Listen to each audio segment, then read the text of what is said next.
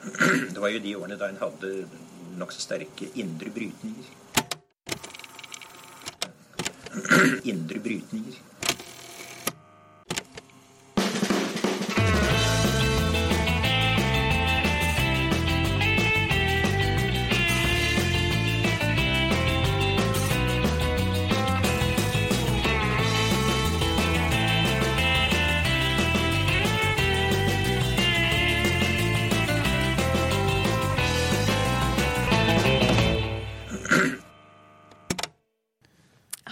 Dette er eh, Noen har snakket sammen. Jeg heter Tiril Rustad Halvorsen. Og jeg heter eh, Halvor Fines Trettvoll. Du er tilbake, Halvor, etter eh, en uke borte. Ja, det stemmer. hva har du gjort? Jeg har vært eh, på tur igjen i forbindelse med dette eh, researcharbeidet for boka, da.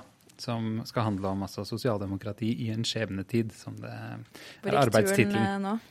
Mm, Denne gangen gikk det til Først så gikk det faktisk til eh, Innlandet i Norge. Jeg hang med Jonas Gahr Støre på hans eh, 1. mai-rundreise i eh, Hedmark. Så det har vært litt sånn i eh, fascinerende, flotte steder der snøen lavet ned på 1. mai, langt oppe i Ja, Trysil-traktene. altså. Mm. Eh, Elverum, Hamar. Uh, sånn. Og så rett derfra kastet jeg meg på et fly til London, uh, hvor jeg har vært da i eh, noen dager. Fem dager.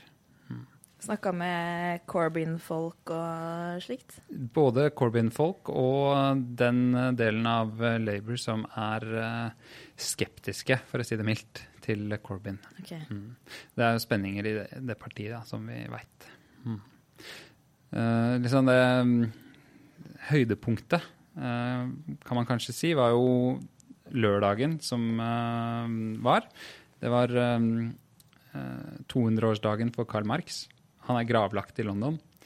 Men det var også oh, ja. uh, en konferanse den dagen for høyresiden i Labour, hvor eh, Alistair Campbell, som noen kanskje husker, av spinndoktoren til Tony Blair. Og sånn sett, eh, for de som er skeptiske til høyredreiningen i arbeiderpartiene på 1990- og, og tidlig 2000-tall, en sånn slags superbusemann, holdt da keynote speech på den konferansen. Han endret seg litt siden den gang, men det er en ganske bra kontrast da, mellom eh, Han og Marx. han og Marx. Ja. Mm, Det vil jeg tro. Men eh, nå er du tilbake det stemmer.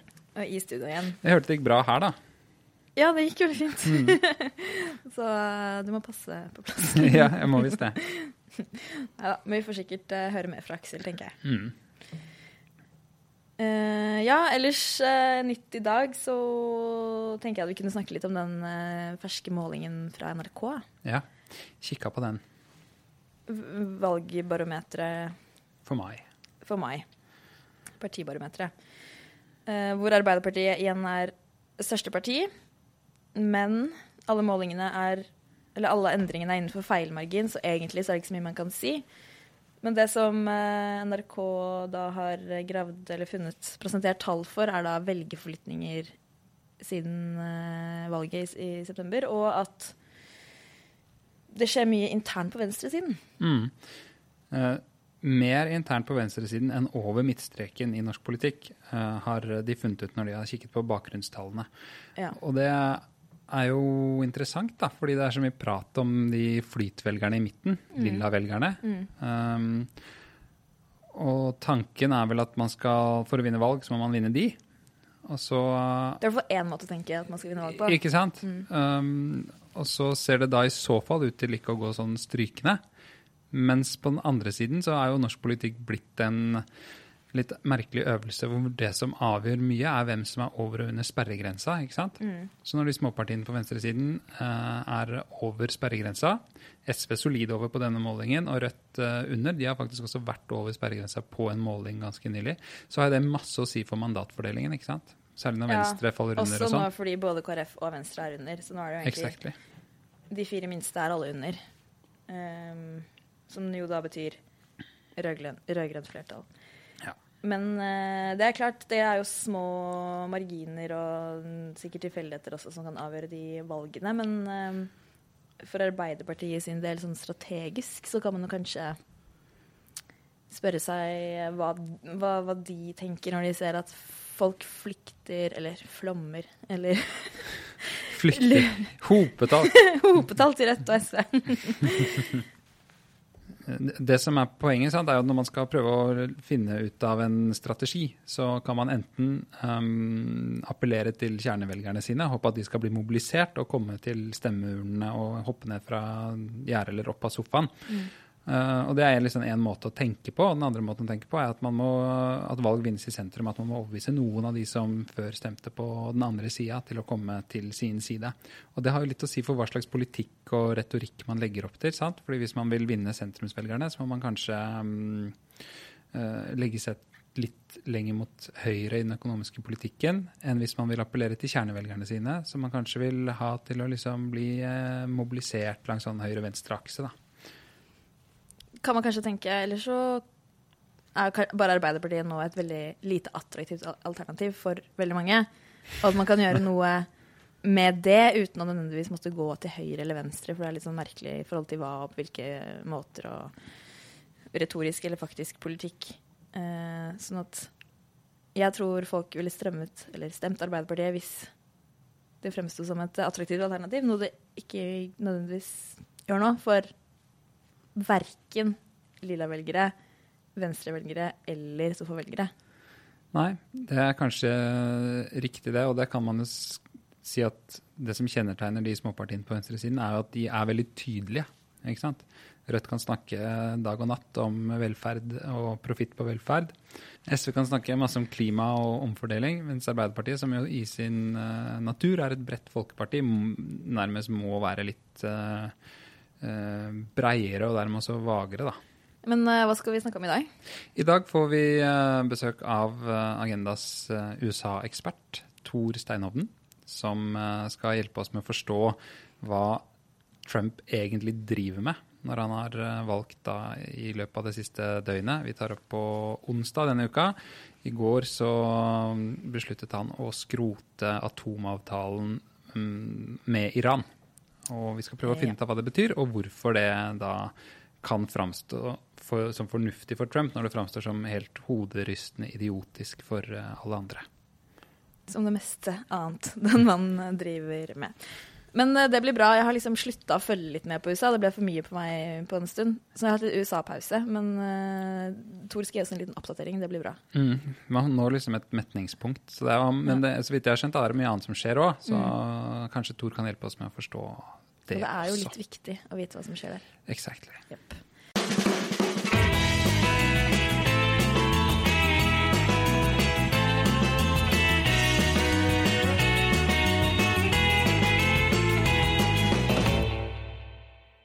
Velkommen, uh, Tor. Takk for det. Kollega Tor Steinhovden, vår USA-ekspert.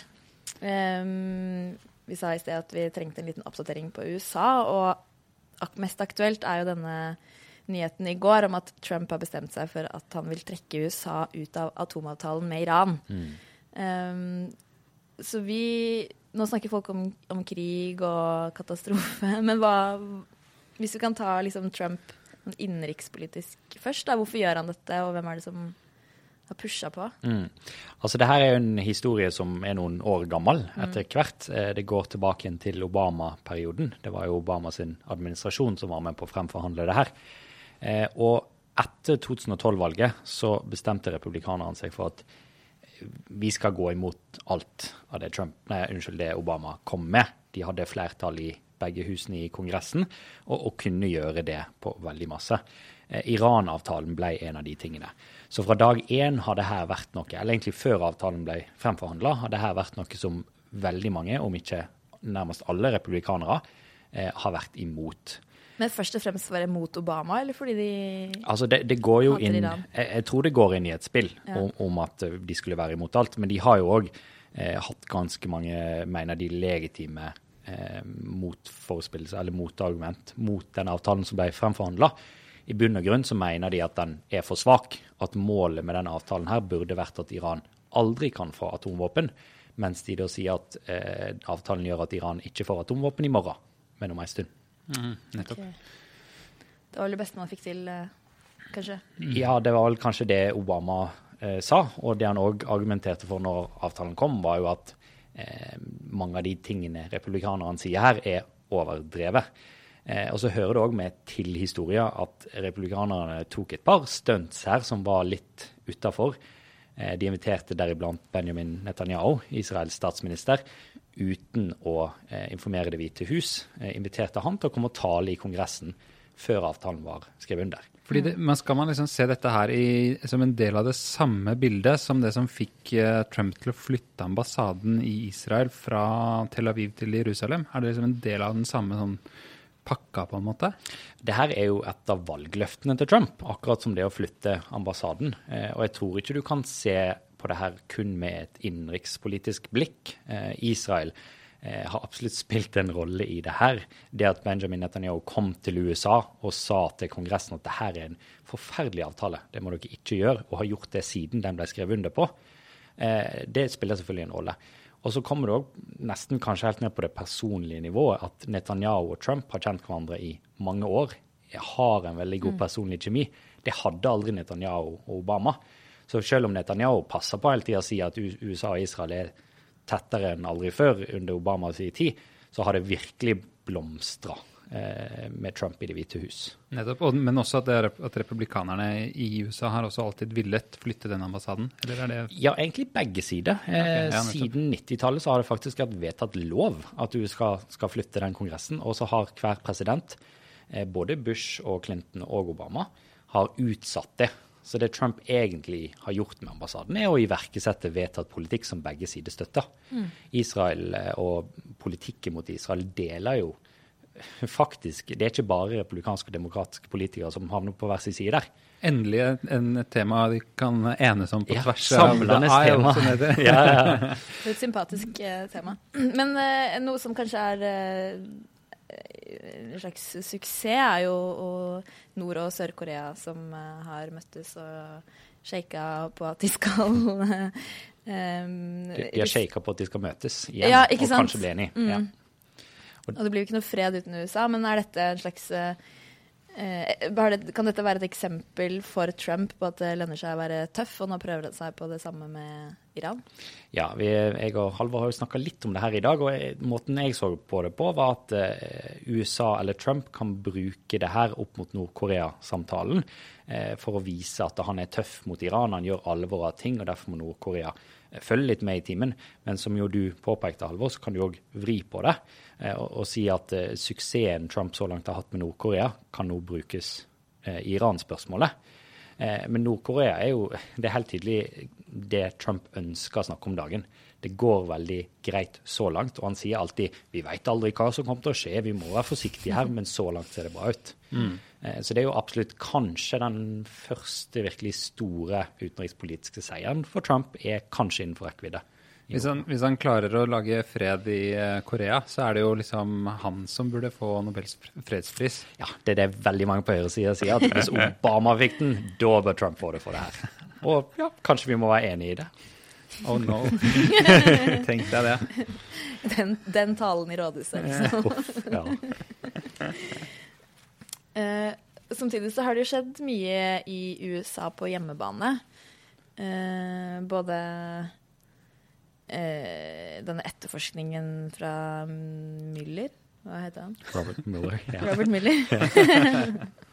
Ser du? Følger ikke med lenger. Nei, Nei Vi har liksom tapp, falt litt av vogna, kanskje. Alle, eller alle er jo overdrive, men uh, alle i den forstand, uh, i hvert fall meg, um, fulgte jo veldig mye med på USA-ting. Mm.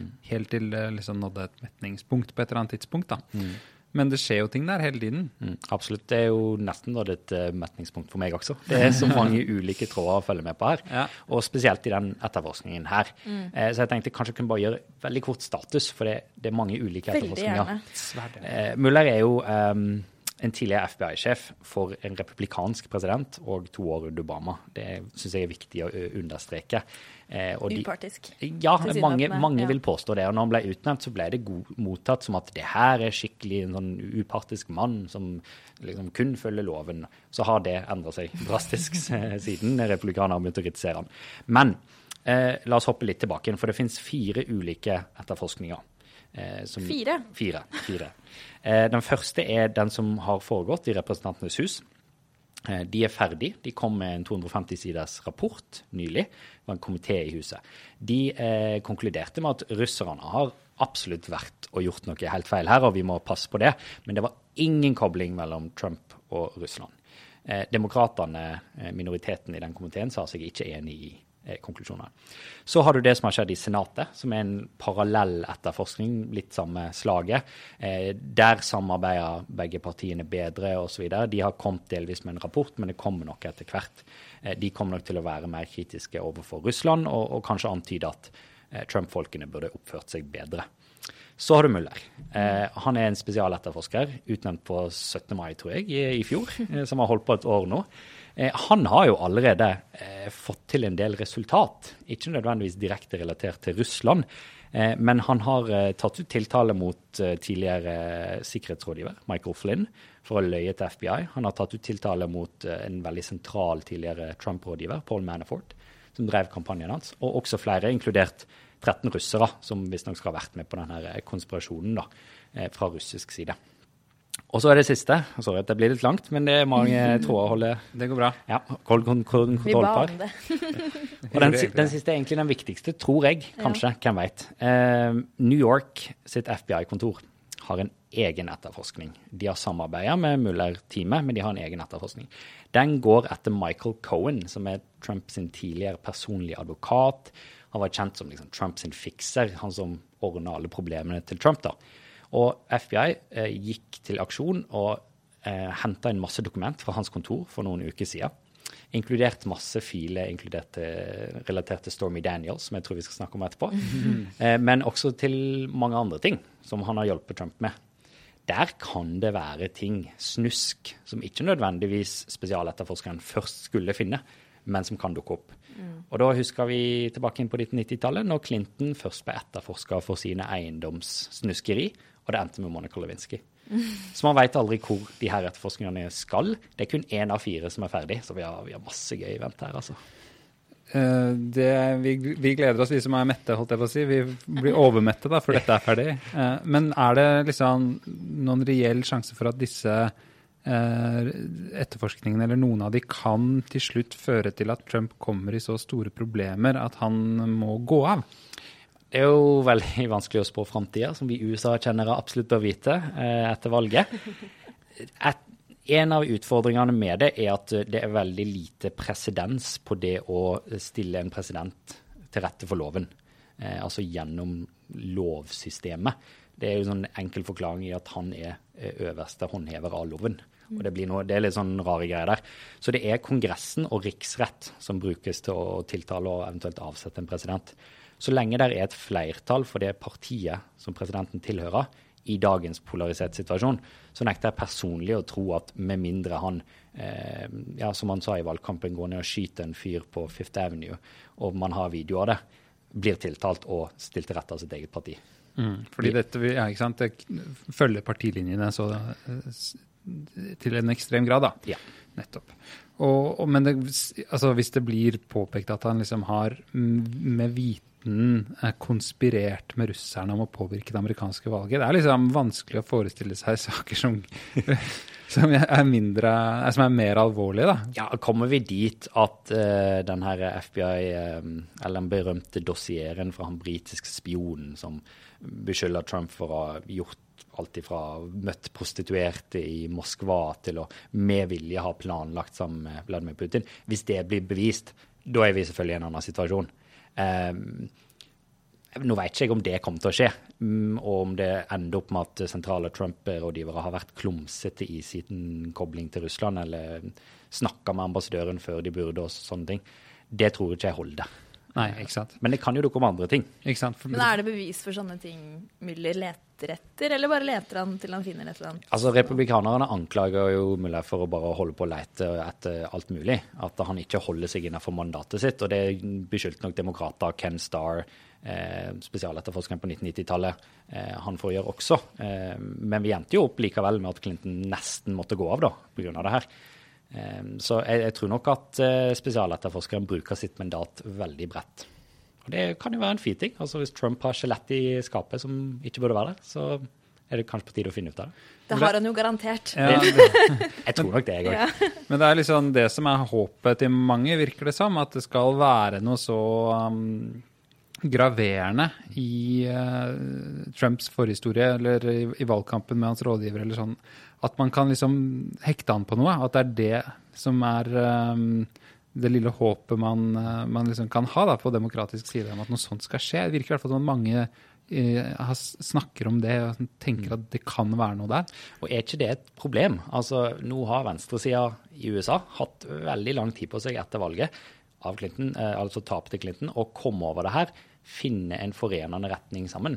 Men det man der borte kaller the resistance, altså folkebevegelsen mot Trump, da, den handler i veldig stor grad om Trump, om riksrett. Mm. Den handler veldig lite om den politiske veien videre. Eh, og Forrige gang jeg var der borte og snakka med demokrater eh, et par plasser i landet som jobber med valgkamp, som tilhørte både det man kaller Bernie Sanders-leiren og Clinton-leiren, så er det, det skillet er der ennå. Um, og de har òg en del sånne energiske folkebevegelser på venstresida som ikke er kobla på Det demokratiske partiet. Eh, så det kan godt være at de gjør et godt valg i høst. At de får mange velgere ut som ikke normalt ville gjort det. Men det er, virker det som, i hovedsak pga. Trump. Det er ikke pga. et positivt budskap som de sjøl har formulert. Det høres jo uh, unektelig noe kjent ut, uh, uh, uten at vi skal gå nærmere inn på det. Vi snakker om USA i dag. Ja, ja, det, uh, det er det vi gjør. Men kan det ikke, det er jo den snacksige storyen med Stormy Daniels som liksom jo uh, får uh, tabloidforsidene. Um, Mm. Skal jeg ta den kort, kanskje òg? ja, gjør gjerne det, så vi er up to date. Ja, for den, går- den går enda lenger tilbake. inn. I 2006 så uh, hadde Donald Trump uh, nettopp gifta seg med Melania Trump, sitt tredje ekteskap. Nettopp fått et barn, Baron, med henne. Eh, en måned etterpå så skal han ha vært utro med eh, Stormy Daniels, også kjent under hennes ekte navn, Stephanie eh, Clifford. Og det var et sånn kort og stormy forhold. Som da Stormy Daniels fortalte om til et ukesmagasin i 2011. Det ble aldri publisert fordi Michael Cohen, advokaten som vi nettopp snakka om, trua det ukebladet med søksmål. Så hopper vi eh, noen år framover, til rett før valget. Eh, da lekka de eh, Nei, unnskyld, da kom de her ryktene opp igjen. Og da gikk Michael Cohen til Stormy Daniels og sa du skal få 130 000 dollar hvis du skriver under på denne avtalen her om at du aldri kan snakke om det her igjen. Og hvis du gjør det, så kan vi saksøke deg for millionvis av dollar. Em, I mars i år så ble den historien lekka. Vi vet ikke hvem som har lekka den, eh, men den ble lekka til Wall Street Journal. Og da ble det her en offentlig sak. Siden det så har det vært fram og tilbake mellom Stormy Daniels sin advokat og, og Michael Cohen. Det Donald Trump har sagt om igjen og om igjen, er at han eh, A eh, visste ikke om denne her betalingen, og B han har ikke betalt Michael Cohen penger tilbake igjen for det her. Så forrige uke så kom Rudy Giuliani, eh, tidligere ordfører i New York og tidligere presidentkandidat, som nå nettopp har blitt en av Trumps nye advokater. Han kom på banen eh, på Sean Hannity Show, et veldig vennlig eh, TV-stilt show for Trump, og sa det motsatte. Han sa det at Trump har betalt Michael Cohen for eh, denne tjenesten, men han visste ikke spesifikt hva det handla om, og dermed har han ikke prøvd å påvirke sitt eget valg. Eh, og det er der vi er nå, da. Nettopp. Trump stilte seg da bak de kommentarene på Twitter, eller tilsynelatende, før han neste dag snudde igjen og sa det at Rudy Giuliani vet ikke hva han snakker om. Så nå er det et sammensurium der ingen egentlig helt skjønner hva som har skjedd. Men det er, eh, er strategien liksom skap så mye forvirring som mulig, så er det ingenting som eh, på en måte fester seg. Det kan jo virke som at det er Trumps strategi generelt. Det kan òg være ei livbøye til Michael Cohen, som vi husker er en del av den fjerde etterforskningen. Eh, hvis han blir tiltatt for f.eks. å ha bidratt mer penger til Trumps valgkamp gjennom å ha betalt de her pengene, så kan han flippe og hjelpe FBI med f.eks. Russland-etterforskning, hvis han vet noe der. Fordi det, når, når det, disse pengene har blitt uh, betalt ut, så det ulov, kan det være ulovlig valgkampstøtte? Ja, igjen så er ikke jussen helt klar der, men det kan tolkes som ulovlig eh, valgkampstøtte. fordi hvis det hadde kommet ut ei uke før valget at eh, Donald Trump hadde eh, et utro, har vært utro med ei pornostjerne, det kan jo tenkes at det kunne påvirke valget, selv om det kom jo ut mange verre ting som ikke påvirker valget. Men eh, det er iallfall teorien, da. OK, jeg skjønner. Med alle disse her eh, greiene Eh, beslutningen om Iran, som kanskje kan framstå populært for, enkelte i USA, men eh, som mange andre syns virker eh, ganske hodeløse. Og så disse skandalene eh, rundt Stormy Daniels og etterforskningene som pågår. Hvordan har det seg at Trump fortsatt er rimelig populær? Han er ikke superpopulær, men rimelig populær i den amerikanske befolkningen. Mm, og populær spesielt blant sine egne. Det er Ja. jo eh, viktig å understreke her. Siden han eh, kom inn i den jobben, så har åtte av ti republikanere, personer som sier at de enten stemmer republikansk eller lener republikansk, åtte av ti av de har sagt at han gjør enten en veldig god jobb eller en god jobb. Konsistent siden han ble satt inn. Eh, det som òg har eh, skjedd i år, da i vår, er at Trump har kommet litt tilbake igjen etter å ha ligget veldig, veldig lavt på meningsmålingene. Og da snakker vi snittmålinger, da. eh, I den generelle befolkningen. Så gjør han det nå bedre og har gjort det bedre i vår. Eh, Jeg tror mest sannsynlig pga. skattereformen. eh, At det er noe som republikanere med hell har snakka opp i, på vårparten. Men òg da Nord-Korea. Siden de nyhetene kom, så har han fått en liten bump igjen. Eh, Det er kun fortsatt 43% som mener at han gjør en god jobb. Så han er jo ganske masse mer upopulær enn Obama. Men Jo. bumpen er da også eh, independent eller demokrater som også syns han gjør en god jobb, eller er det bare enda flere av hans egne? Det er nok mest sannsynlig flere av hans egne, og så kanskje nok independence. For Ja. hvis du bryter ned og ser på demokrater, så har åtte eller ni av ti de, av de konsekvent ment at han gjør en dårlig jobb. Ja. Så partiskillet gjør seg veldig gjeldende her. Eh, og litt av grunnen til det er jo at partilojaliteten trumfer alt. Eh, I USA kan det virke som at velgerne, eh, kanskje spesielt på høyresida, som før var for free trade, altså for større handelssamarbeid, har gjennom Trump snudd 180 grader i det. Eh, Så kandidatene former meningene til sine egne velgere, som da mm, først og fremst holder seg lojale mot partiet. Og 2018 er jo også sånn mellomvalgår i uh, USA. Um, og den valgkampen har så vidt kommet i gang, skjønner jeg. Ja, akkurat når du trodde at du var ferdig med amerikansk valgkamp, sin, så begynner vi igjen. Yes, det er jo, ja, det er jo mellomvalg der i eh, november. eh, 6. november, jeg tror jeg. Da skal alle representantene i Kongressen, altså Representantenes hus, skal ut til valg. Og en tredjedel av Senatet. Eh, Sånn som det ser ut nå, så antar man at demokratene kan gjøre det veldig bra i Representantenes hus. Det er sånn typisk, Som vi får flertall? Eh, Som vi får flertall, ja. Og det er litt sånn typisk at når en president etter to år eh, satt der, så bytter de parti i Kongressen, da. Eh, Men i Senatet så ser det dårligere ut, og det har med at det er rett og slett flere demokrater som er en del av de en tredjedelene som skal ut til valget i år. Og det er ikke så mange man kan flippe, liksom. Nei, også siden det er kun en tredjedel som skal til valg, da, og mange av de er demokrater som må forsvare seg i delstater som Trump vant, så blir det tøffere. Men det som skjedde i nattlig i dag, var at eh, de første primærvalgkampene eh, kom underveis. Noen av de i viktige delstater som Ohio, f.eks. Og så var det én som har fått veldig masse mm, oppmerksomhet eh, den siste uka, og, og det var i eh, West Virginia, der eh, Lloyd Blankenship eh, var en av de tre republikanerne som stilte. Eh, Og han var sett på som en outsider, eh, mest fordi han ble tiltalt for å eh, delvis forårsake ei gruveulykke for noen år siden, der eh, 30-talls personer døde. Og han mente det at politikerne forårsaka gruveulykker, og så putta de han i fengsel. Så han er liksom Trump på steroider. Oi. Og han var så ille i valgkampen at til og med Trump gikk ut og sa at dere må være så snill ikke velge han her, for da kommer vi ikke til å vinne i høst. Eh, og de klarte så vidt å kvitte seg med han, så nå blir det en såkalt establishment candidate i hermetegn da, som skal til valg der. Nettopp. Litt bedre enn det kunne vært, altså, men, men likevel en, eh, en kandidat som befinner seg liksom i det som er blitt det nye establishmentet i det republikanske partiet. Ja, altså Over 40 republikanere stiller ikke til gjenvalg i år. Det er rekord, og det tyder nok på at Trump er virkelig i ferd med å ta over. Ja, rett og slett. Eh, og så hvis jeg kan nevne helt på slutten en annen ting som skjedde denne uka. Melania Trump lanserte sitt eh, første initiativ.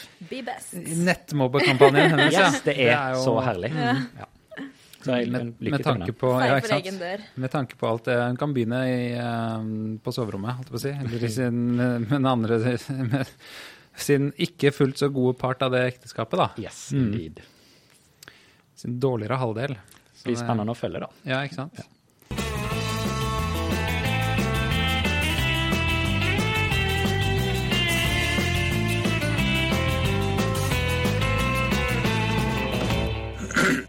Da nærmer vi oss egentlig slutten, og vi pleier å ha en spalte hvor vi selger noe. Men uh, siden vi er litt sånn i USA-stemning her i dag, så tenkte vi at vi skulle gi den muligheten til deg, Tor. Ja, Du har noe noe å selge. Jeg har noe å selge, eh, som er relatert til USA. Veldig Ja. relatert. Nå er det jo, som vi har vært innom her, eh, et halvt år til mellomvalget. Og da tenker jeg det passer veldig godt å liksom brush opp på USA-kunnskapene. Derfor så har Agenda eh, i samarbeid med Hans Olav Lahlum og Oslo MET, Storbyuniversitetet, eh, gått sammen for å, eh, for å gå gjennom alle 44 presidentene på 180 minutter. Det skjer nå på tirsdag 15. mai klokka 18.00 på Oslo Met. Informasjonen informasjon ligger på tanksminagenda.no. Det er ganske fullt etter hvert, veldig populært, men det er noen få plasser igjen. Så det anbefaler jeg alle å sjekke ut. 180 minutter med pause. Ja, med pause. med pause. Lahlum skal ikke snakke liksom uten pause, og det blir muligheter Gratis. for bevertning og diverse. Så det, det er bare kosekveld, rett og slett. Alle bør komme, og det er vel til og med sånn at de kanskje kan høre på den på podkast etterpå hvis de mot formodning ikke skulle ha mulighet, eller det blir fullt. Ja, k kanskje. Det kan ikke jeg love, så det gjelder bare å dukke opp der. Og, og Vi krysser fingrene. Don't Nei, out. don't miss out. OK. Um, tusen takk for i dag. Tusen takk til Tor Steinhovden, Agendas USA-ekspert, som kom og gjorde oss klokere. Og du får nesten si tusen takk for deg selv, Tiril, men jeg sier tusen takk for meg. okay. All right. Mm, ha det bra. God Kristi himmelfart. Ha det.